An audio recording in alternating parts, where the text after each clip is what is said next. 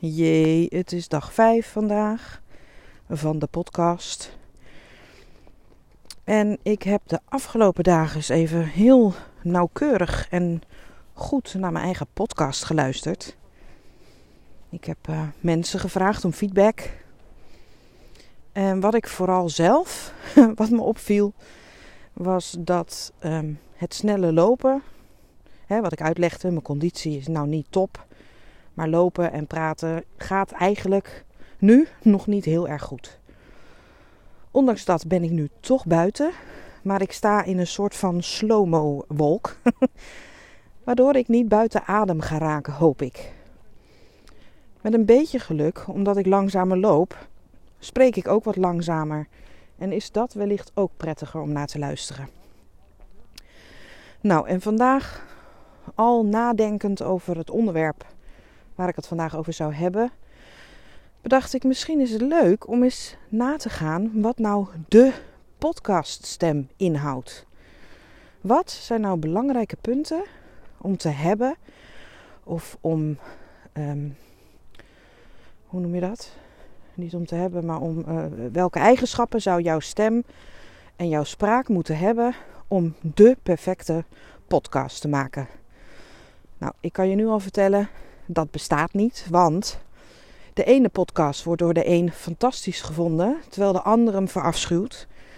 En dat is gewoon heel persoonlijk. Het kan te maken hebben met de tone of voice. Hè? Staat die stem die jij daar hoort, staat er jou wel aan? Vind je het een prettige stem? Is het misschien te langzaam of gaat het te snel? Heeft het wellicht te maken met woordkeuzes, met klemtonen? Dus nogmaals, er is niet een perfect script van goh, hier, als je dit doet, dan heb jij de perfecte podcaststem. Dat kan niet. En tuurlijk zijn er wat handigheidjes die je wellicht wel kan toepassen om het aangenamer te maken. Want als je bedenkt, hè, een spreektempo, het spreektempo van wat je vertelt, je boodschap moet ook overkomen. Dus als jij veel te snel spreekt, dan komt de boodschap veel te snel binnen. Hi. Met als gevolg dat het misschien niet binnendringt. En als voorbeeld kan ik daarvoor geven, dat is dan geen podcaststem, maar Matthijs van Nieuwkerk, die kan praten als de beste. Die heeft, wat mij betreft, een hele mooie klankkleur in zijn stem. Maar hij praat echt zo super snel dat ik daarop afhaak. Soms denk ik wel, wauw, wat knap. Hè? Hij, hij spreekt snel. Zijn diadogokinese, dat is eigenlijk de plaatsing van alle klanken in zijn mond, die kan die heel rap afwisselen. Hè? Hij struikelt bij wijze van spreken bijna nooit over zijn woorden. Maar als je aan mij vraagt aan het eind van zijn programma van joh, wat heeft hij nou eigenlijk verteld? Nou, dan is dat bij mij niet binnengedrongen en al zeker niet blijven hangen. Dus het is meer een soort achtergrond en knap en verwondering van wauw. De spreektempo is als jij een boodschap wil overbrengen en je wil echt dat de mensen gaan onthouden wat jij hebt verteld, dan is een spreektempo aanpassen gewoon een heel goed idee. Nou, wat nog meer heel belangrijk is, is dat je authentiek, dus echt als je zelf overkomt ik, als ik weer over mezelf uh, spreek, um, ik kan niet zo goed tegen veel te hoge stemmetjes die dan op deze manier met je praten. En het klinkt enorm vrolijk, maar je hoort aan alles dat het eigenlijk een beetje fake is. En dan denk ik dat is heel leuk dat je al die technieken toepast, maar het is een beetje too much. Je wilt geloofwaardig overkomen, dus overdrijf het dan niet. Tenzij dat je bedoeling is. Tuurlijk, dan kan dat.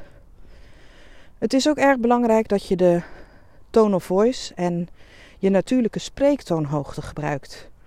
En dat heeft er meer mee te maken dat je dat langer volhoudt. En met een beetje geluk is die basisklank zo mooi en zo vol van zichzelf dat je daar helemaal niks meer aan hoeft toe te voegen. iedereen die hoort meteen aan de eerste klanken dat jij dat bent en je hoeft geen um, je hoeft niks te faken, zeg maar. Je hoeft niet beter voor te doen dan je bent. Op het moment dat iemand um, wat down is, dan kun je dat meteen horen. En een heel mooi voorbeeld was vanmiddag. Toen werd ik gebeld door een stagiaire, een, een, een student moet ik zeggen. Die zocht een stagiaire plek, een stageplek, sorry.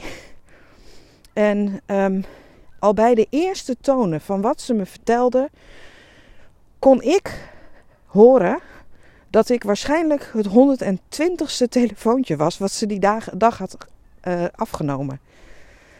Ze klonk echt een beetje teleurgesteld, een beetje down. En ik realiseerde me ook dat ze me inderdaad een paar weken terug al eerder had gebeld met de vraag of ze bij ons terecht kon.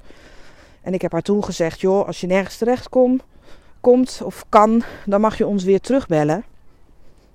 Maar daar begon haar verhaal niet mee. Maar de toon van haar stem zei eigenlijk al voldoende.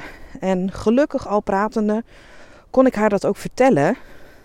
En heb ik haar hopelijk een beetje meer moed gegeven en hoop gegeven dat ze gewoon toch een goede plek kan gaan vinden. Dus het was, um, ze was er ook heel blij mee dat ik het zei. Ze zegt: Oh, oh ja, dat heb ik me eigenlijk niet gerealiseerd. En ik gaf haar toen de tip die ik jullie ook wil meegeven. Stel dat je een rotdag hebt gehad, of een rotnacht, of uh, slecht geslapen, slecht nieuws gehad.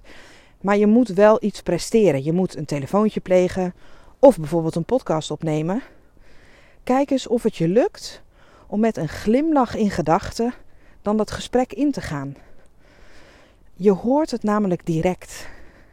Deze oefening doe ik ook heel vaak als ik live met mensen aan het trainen ben ik laat ze hun ogen dicht doen en ik vraag ze twee keer dezelfde zin te herhalen.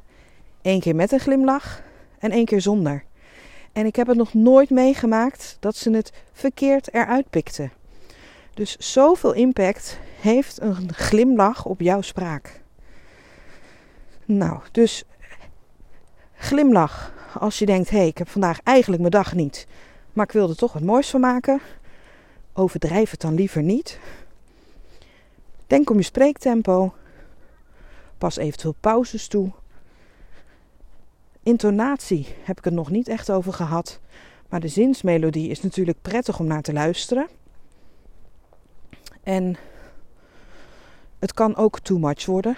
Dus waak daarvoor. Maar maak het prettig om naar te luisteren. Ik weet niet of je kan terughalen, bijvoorbeeld van vroeger op school. De leerkracht waarbij je eigenlijk het minst onthield, dat dat waarschijnlijk iemand was die monotoon sprak. Misschien zelfs een beetje te zacht, een beetje in elkaar gedoken, misschien niet goed articuleerde.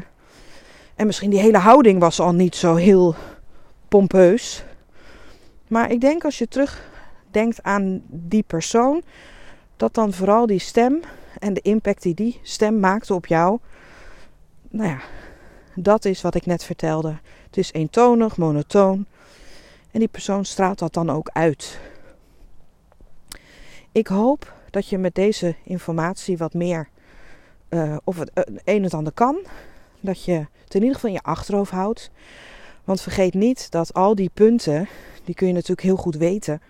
Maar ook ik als stemcoach, logopedist, ik ben elke dag daarmee bezig. En nog altijd heb ik mijn leerpunten zo heb ik nu geleerd langzamer te lopen. Dan gaat hopelijk mijn spraak wat rustiger. Ben ik minder buiten adem, hoopte ik. en, um, oh ja, ik had nog iets toegepast. Ik had mijn microfoontje net iets lager in mijn sjaal gehangen. Dus ik ben heel benieuwd of dat heeft uitgepakt zoals ik dat had gehoopt.